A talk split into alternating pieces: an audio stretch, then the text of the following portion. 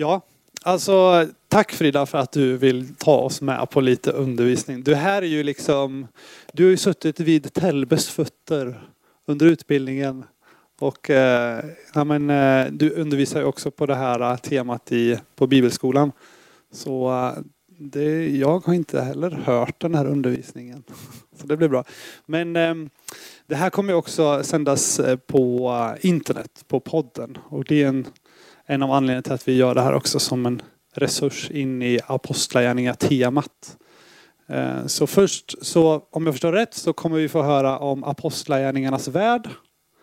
Alltså den tiden och det samhället skiljer sig ganska radikalt från den tiden som vi lever i idag såklart. Ehm, och få syn på de olikheterna och vad som präglade den tiden. Sen så käkar vi en fralla och eh, så tar vi vid på pass två och då är det Paulus ett porträtt. Vem är Paulus? Eller ja, han är ju fortfarande tror vi. ju. Eh, men hur var han när han levde här på jorden? Men eh, så fint, ja. Tack. Mm. Nej, jag ska göra det nu tänkte jag. ja, tack helige ande för att vi får djupdyka ni är i apostlärningarna den här tiden. Din bok Heligande där du tar verkligen ett tydligt insprång i mänsklighetens historia. Vi vet att du har varit verksam ända sedan skapelsens begynnelse. Och, men, men vi är så förundrade över vad som händer i pingsten och vad som, eh, hur du Eh, hur du bemyndigar och hur du ger kraft åt de som eh, hänger sig åt eh, Jesus Kristus och låter sig uppfyllas av anden och går med anden. Och vi, vi fascineras över de berättelserna som vi läser i Apostlagärningarna och vi vill se det igen, helige Ande. Vi tackar dig för att vi kan få inspireras av det som händer i de berättelserna och förvänta oss att liknande saker kan hända i vår tid genom våra liv och i vår församling och i vår gemenskap i Sverige idag. Så helige Ande, vi önskar att den här undervisningen skulle få hjälpa oss att eh, kliva ett steg djupare in i den boken och därmed öppna upp våra hjärtan och våra liv ännu mer för dig helige Ande. Så välsigna Frida och den här stunden till att få vara berikande för oss allihopa. Att få, eh, vi ber att vi skulle få sätta på oss dina glasögon heligande. Se eh, med dig som lins på eh, berättelserna och eh, på våra liv. Så låt den här stunden få hjälpa oss med det. Så fyll våra hjärtan och det här rummet heligande den här stunden. Hjälp oss att se och höra det du vill att vi ska se och höra. Tack för att du är här och vill välsigna oss. I Jesu namn. Amen. Så, nu är det inbett och klart. Eh, manegen är krattad. Och jag eh, tar ut bullarna ur ugnen innan de bränns. Ja. Då är det bara att köra. Fint. Om ni har med er eh, biblarna så är det ju jättebra att ha uppe apostlagärningarna. Vi kommer vara lite i några andra ställen också. Men, men där kan man lägga liksom den här, det här bandet i alla fall så att man återkommer dit. Eh, fint att se er. Eh, som en del av predikotemat, som sagt. Men ehm, eh, vi kommer ju inte, vi kommer läsa texterna, men vi kommer inte gå in jättemycket på själva texten egentligen. Utan som sagt, kolla vad, vad som händer bakom och så. Eh, ibland så kommer man ju förbi ett gäng på något sätt eh, som man går förbi eller som sitter någonstans som bara är inne i en konflikt på något sätt. Det kanske är på stranden när några barn sitter och leker så här sött och fint och trallar och de är supersöta och verkar ha det så bra ihop. Och sen så tittar man bort och plötsligt så är det ett fullskaligt krig. Sand, sanden gnuggas in i ögonen och spadarna ryker och det är skrik och bråk och man liksom Åh, det är eh, något galet här. Så springer man fram och vad är det första man frågar? Vad är det som har hänt? Eller hur? Det är det första man vill ha reda på. Det har, det har uppstått någonting. Det var så sött och fint innan och plötsligt så blev det jätte, jättegalet. Vad är det som har hänt? Och för att försöka komma vidare i detta eh, och förstå. Och precis eh, så är det ju ofta i Bibeln överlag, men särskilt när man kommer till apostlagärningarna, tycker jag. Eh, man liksom läser en del grejer och det händer massa fantastiska saker. Eh, sjuka blir friska och liksom eh, underbara ting. Och samtidigt så är det som ett fullskaligt krig och man har ihjäl varandra och människor flyr. Och bara, vad är det som har hänt? Och det är precis det vi ska försöka bena i idag. Vad är det som har hänt? Varför är det som det är? Varför flyr människor som, som tusan och varför har de ihjäl varandra? Så kan vi inte hålla på. Innan Jesus drar upp till himlen, tas upp till himlen, så säger han så här till sina lärjungar. Och då är vi i första kapitlet, vers 8. Men när den helige ande kommer över er ska ni få kraft och bli mina vittnen i Jerusalem, i hela Judeen och Samarien och ända till jordens yttersta gräns. Så det är faktiskt det som apostlagärningarna handlar om. Hur de första kristna tar emot heligande som eh, i kapitel 1 nu då, och sen så delar evangeliet, alltså budskapet om Jesus, överallt där de går fram. Först i Jerusalem, som vi ser här kapitel 2 till 7, och sen så vidare till de eh, delarna där judarna inte bor, i Judeen och Samarien, kapitel 8 till 12. Och sen vidare till hela världen, kapitel 9 och framåt. Eh, all, till alla nationer och till jordens yttersta gräns. Jag vet inte om ni håller med mig eh, när jag läser Apostlagärningarna eh, och särskilt de första gångerna i mitt liv så tänkte jag lite så här, okej, okay, wow, det händer massa fantastiska saker, precis som vi sa. De blir helade, de blir, eh, de blir upprättade, någon död får liv igen, händer så coola grejer. Men varför varför händer det så mycket hemskt också? Varför har de ihjäl varandra? Varför piskas de och kastas i fängelse? Precis som i sandlådan. Vad är det som har hänt? Eh. Så vi kollar på vad är det som har hänt? Hur ser den här tiden ut? Eh ni som lyssnar på podden, just nu har jag tagit fram en karta på romarriket när det är som störst. Den kan man ju faktiskt googla fram själv också. Eh, ungefär 200 år så rådde den här Pax Romana som man brukar kalla det, den romerska freden.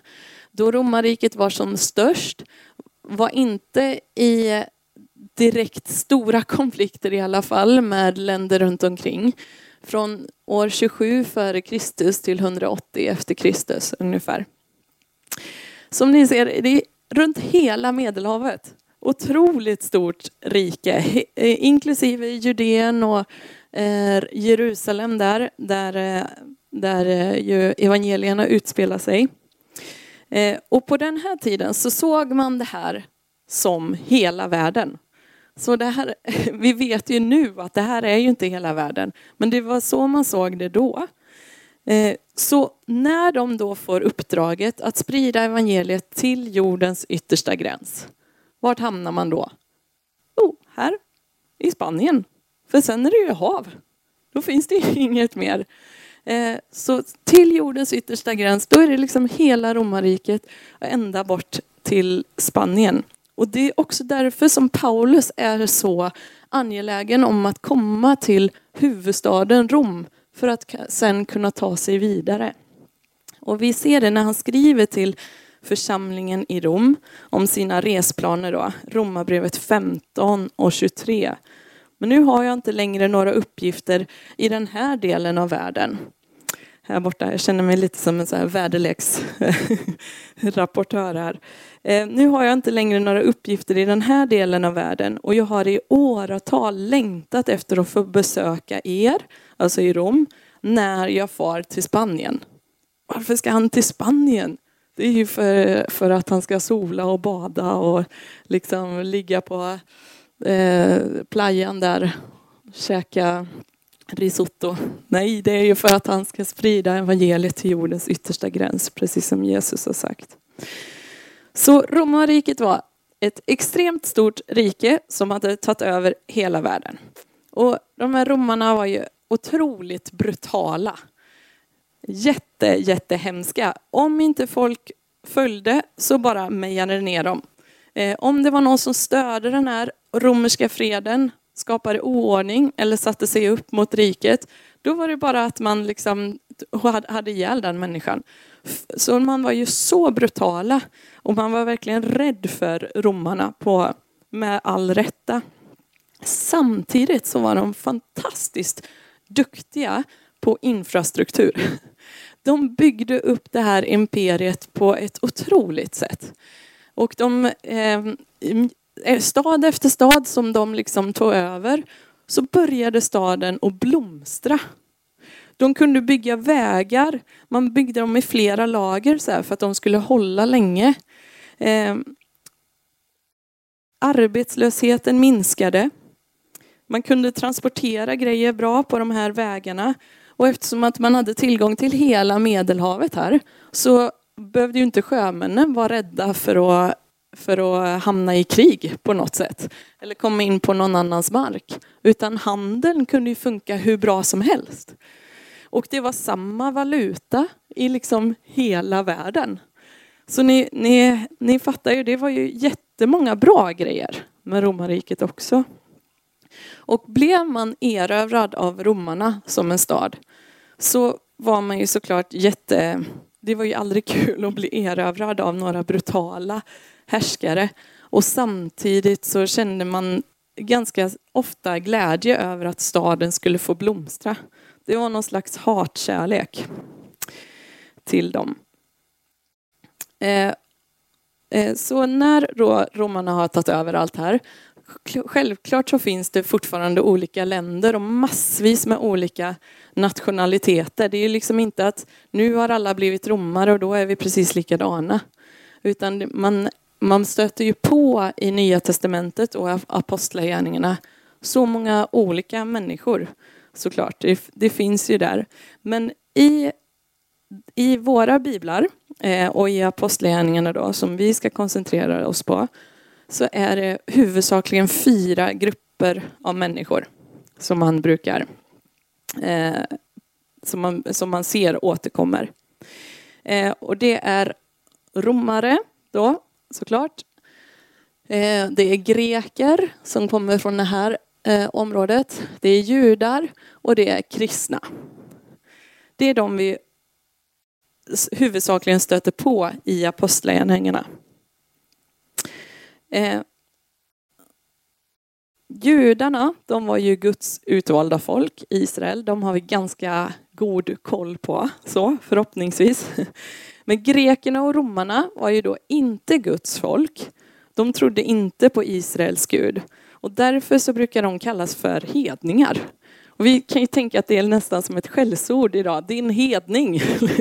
men, men så var det inte på, när det mm, står i biblarna, utan det är helt enkelt namnet på de som inte följde Israels Gud.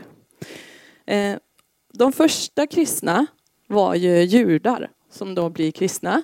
Vi startar i Jerusalem, eh, den judiska staden, och de första kristna var judar eh, som följde Jesus.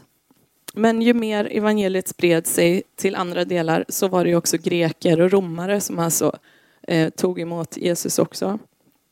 Och därför så brukar man, jag har lagt upp en bild här, eh, därför brukar man kalla dem för hedna kristna.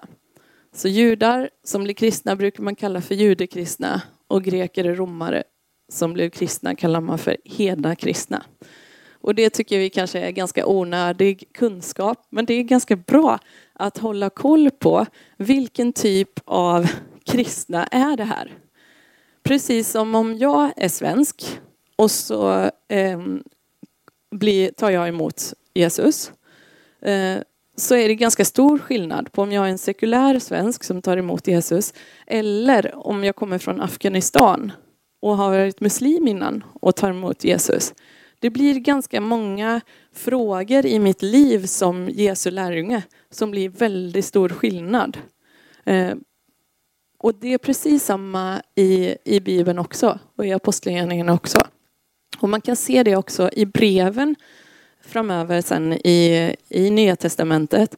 Om Paulus skriver till en församling som består mest av greker och romare så är det vissa frågor som de liksom har med sig, och vi ska snart gå in på det, eh, som också blir problem för dem när de blir kristna. Som inte alls de som har varit judar har problem med. Eh, och, och vice versa då. Så därför så, med folkgrupper, vad man har för bakgrund när man blir kristen och tar emot Jesus får ganska stora konsekvenser. Eh, och någonting som bara är bra att också komma ihåg att de första kristna som då var judar och sen blev kristna, de hade ju ingen tanke om att egentligen starta en ny religion. De hade inte tänkt att jag här 2000 år senare skulle dela upp dem som romare, greker, judar och kristna. De var ju en del av judarna. Det här var bara en fortsättning på att följa Israels Gud. Eh, och det var ju så småningom sen som det började dela upp sig mer och mer. Eh, där judarna då inte ville att de kristna skulle vara en del eh, av dem längre eftersom det här var som en sekt. Man kallade det som en pestböld som liksom förpestade. Tänk er i våran församling om det är någon medlem som skulle kalla sig kristen och medlem i vår församling men sen skulle säga och sprida det att Jesus inte är Guds son. Och han dog inte på korset. Så. Men jag kallar mig kristen och jag är medlem i Korskyrkan. Då skulle vi bli ganska så här, nej, vänta nu här, du behöver nog... Och sen så får han med sig en grupp människor och de blir större och större.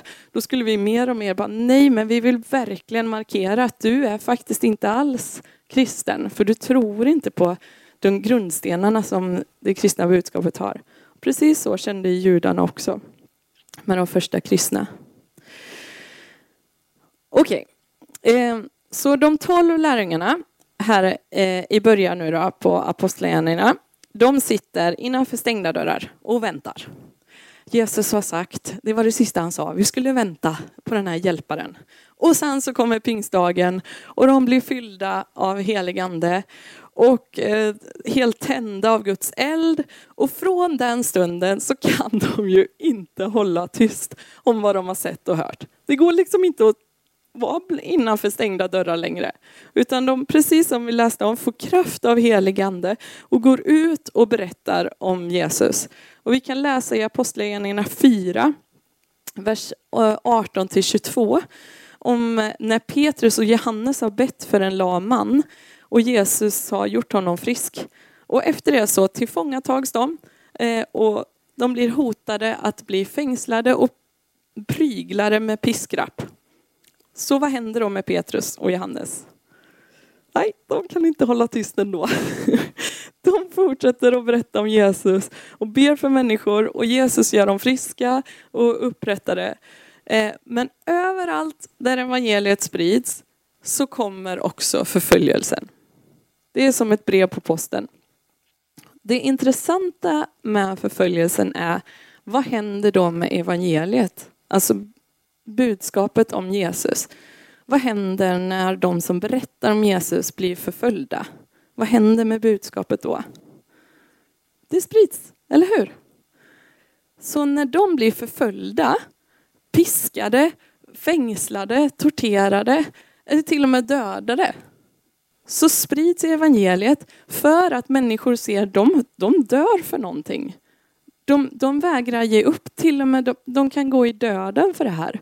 Eh, de måste verkligen ha något fantastiskt. Eller så flyr ju de till andra städer. Men, men vad händer om de inte kan hålla tyst? Ja, men då berättar de ju om Jesus i andra städer. Och så vidare och så vidare. Och så förföljs de där och så flyr de vidare. Och det här är en väldigt fruktansvärd liksom, grej egentligen.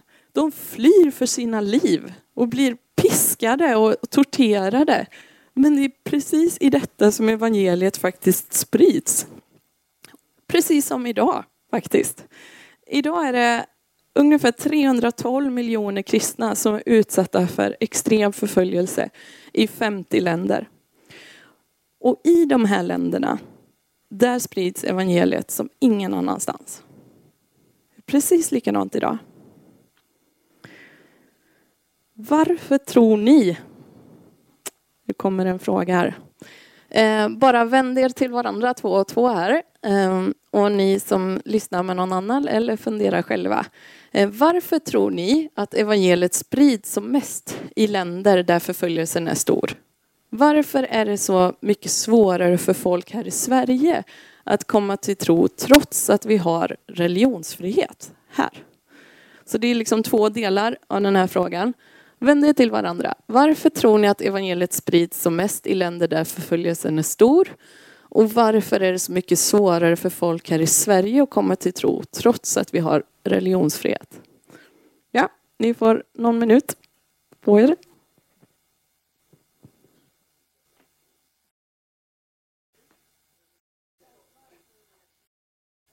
Okej. Okay ja, eh, hoppas ni har fått goda små samtal här. Så okej, okay, de kristna förföljs. Så långt är vi med nu då. Eh, men de förföljs ju av både greker och romare och judar. Så alla de andra tre grupperna är liksom emot dem. Varför förföljde judarna de kristna? Eh, nu hade jag egentligen eh, tänkt att vi... Gustav, du får, du får vara jude här. Den kan du ta på dig. Och den över. Ja. Gustav får lite eh, judiska kläder här. Du kanske inte får på dig dem. Ja. Snyggt. Den. Och så den som en liten mantel runt. Och den ska du liksom ha över hatten lite sådär som de brukar ha, fariséerna. Snyggt. Så. Och så kan du hålla i varsitt papper där. Ja men precis. Titta, jättefint. Här har vi en jude då. Varför förföljde... Du får ta ut papperna där. Jo, den första anledningen till att eh, de förföljdes av judarna är att de hädade mot templet och lagen. Ser ni Gustav håller i dem här? Precis, där har vi templet och där har vi lagen. Så fint. Eh, vi kan ju läsa om berättelsen om Stefanus som blir martyr i Apostlagärningarna 6 till 8 här. Och enligt judisk tro så grundar sig hela världen på tre pelare. Det var templet, det var lagen och de goda gärningarna. Det var liksom det som eh, man vilade på för att behålla tron. Hela den judiska tron grundade sig på templet, lagen och de goda gärningarna. Och vad anklagas Stefanos här då? Om vi läser i Apostlagärningarna 6, kapitel 11 till 14, så, så har de sitt tal här. Jo, det är att de, han angriper ständigt och jämt både denna heliga plats och lagen. Så beskyller de de kristna. Angriper ständigt och jämt både denna heliga plats, alltså templet, Jerusalem, och lagen. Skulle det här vara sant, då angriper alltså de kristna två av tre grundpelare som den tro, eh, deras tro vilar på. Eh, och Jesus han har liksom gått igång på de här grejerna också och beskriver också att templet har tappat sin funktion nu. Utan det är församlingen, våra kroppar, som är Guds tempel där han vill bo istället genom sin heligande. Och straffet för en sån här hädelse som judarna såklart är superarga på. Det läser vi från femte Mosebok i kapitel 17. Att det, eh, för en, en sån hädelse så ska man stenas. Apostlagärningarna 24 och vers 5. Här har vi också en sån anklagelse. Vi har nämligen funnit att den här mannen, som då är Paulus, är en pestböld och ställer till oroligheter bland alla judar runt om i världen. Och att han är ledare för Nazarenas sekt. Här har vi det. Riktigt grova anklagelser. Han är en pestböld och ledare för en sekt. Det är precis det jag har. Så det är ena anledningen. Den andra anledningen är ju då en korsfäst Gud. Eh, I första Korinthierbrevet kapitel 1 och vers 22 till 23 så, så läser vi precis där. Judarna begär tecken och grekerna söker vishet, men vi förkunnar en Kristus som blivit korsfäst, en stötesten för judarna och en dårskap för hedningarna. Det här var precis därför judarna var så rasande. Alla som hängdes upp på en träpinne var förbannad enligt eh, Moselag. Femte Mosebok kapitel 21. Det är en skandal, en hädelse att säga att Gud själv skulle hängas upp på en träpinne. Att Gud själv skulle vara förbannad. Det var därför som man var så rasande på de kristna. Okej, du kan få ta dig det där. Tack så mycket eh, Gustav för att du ville vara jude.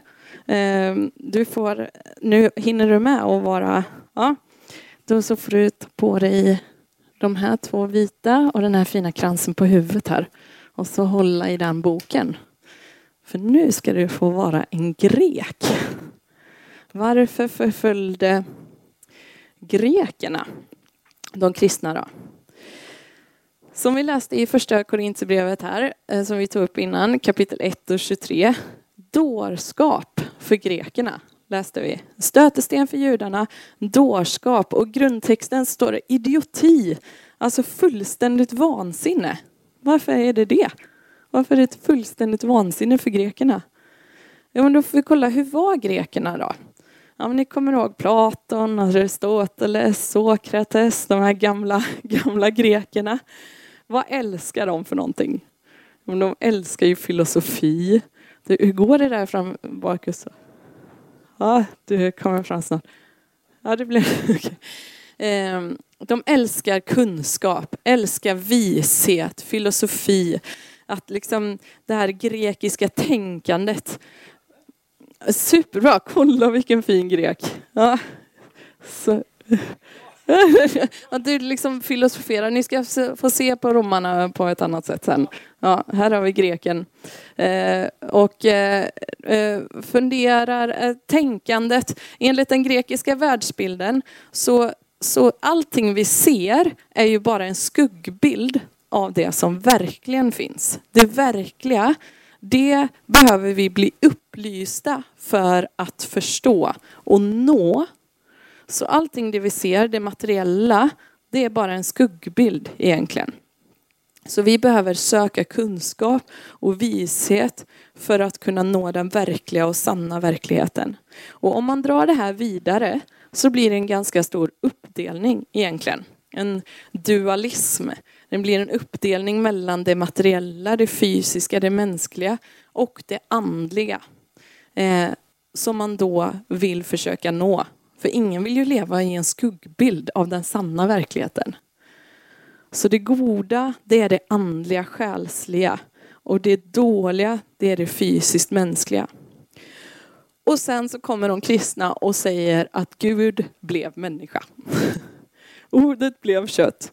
Och, och inte bara det, han går och dör på ett kors. Så han blev både mänsklig, materiell, fysisk och sen går han och dör på ett kors. Det här är fullständigt vansinne. Så nej, hon var liksom, så här är grekerna. Så händer inte med en gud. Något andligt gott skulle inte gå att bli fysiskt, för det är något dåligt. Okej, okay. då har vi koll på varför grekerna eh, du kan gå eh, ut igen och så ska du, jag tror inte att du får på dig den här och den och den. Och sen så ska du nog få en sköld och ett svärd av Wesley här. Eh, I romarriket så var det lag att, på att tillbe kejsaren och de romerska gudarna. Man fick tillbe andra gudar. Det var fullt okej. Okay. Men man var tvungen att böja sig över, eh, under kejsaren och de romerska gudarna. Eh, judarna de det var ett undantag. De hade fått privilegier att eh, få bara följa Israels Gud för att de hade stöttat romarna och kejsarna längre bak. Kolla, jättefint. Du, den sitter tajt. Ja. Eh, nu ska jag försöka koncentrera mig utan att titta på dig här. Då. Eh, så judarna var ett undantag. Men när, när de kristna då gjorde sig fria från judarna och blev liksom en egen religion, då, de hade inga privilegier. Så de var hatade av romarna för sina styggelser. Det var precis som att de inte betalade skatt eller något ännu värre när de inte då deltog i kulten, böjde sig under de romerska gudarna, böjde sig under kejsaren. Utan det var inte det att de tillbad Jesus som var problemet egentligen, utan det var att de bara tillbad Jesus.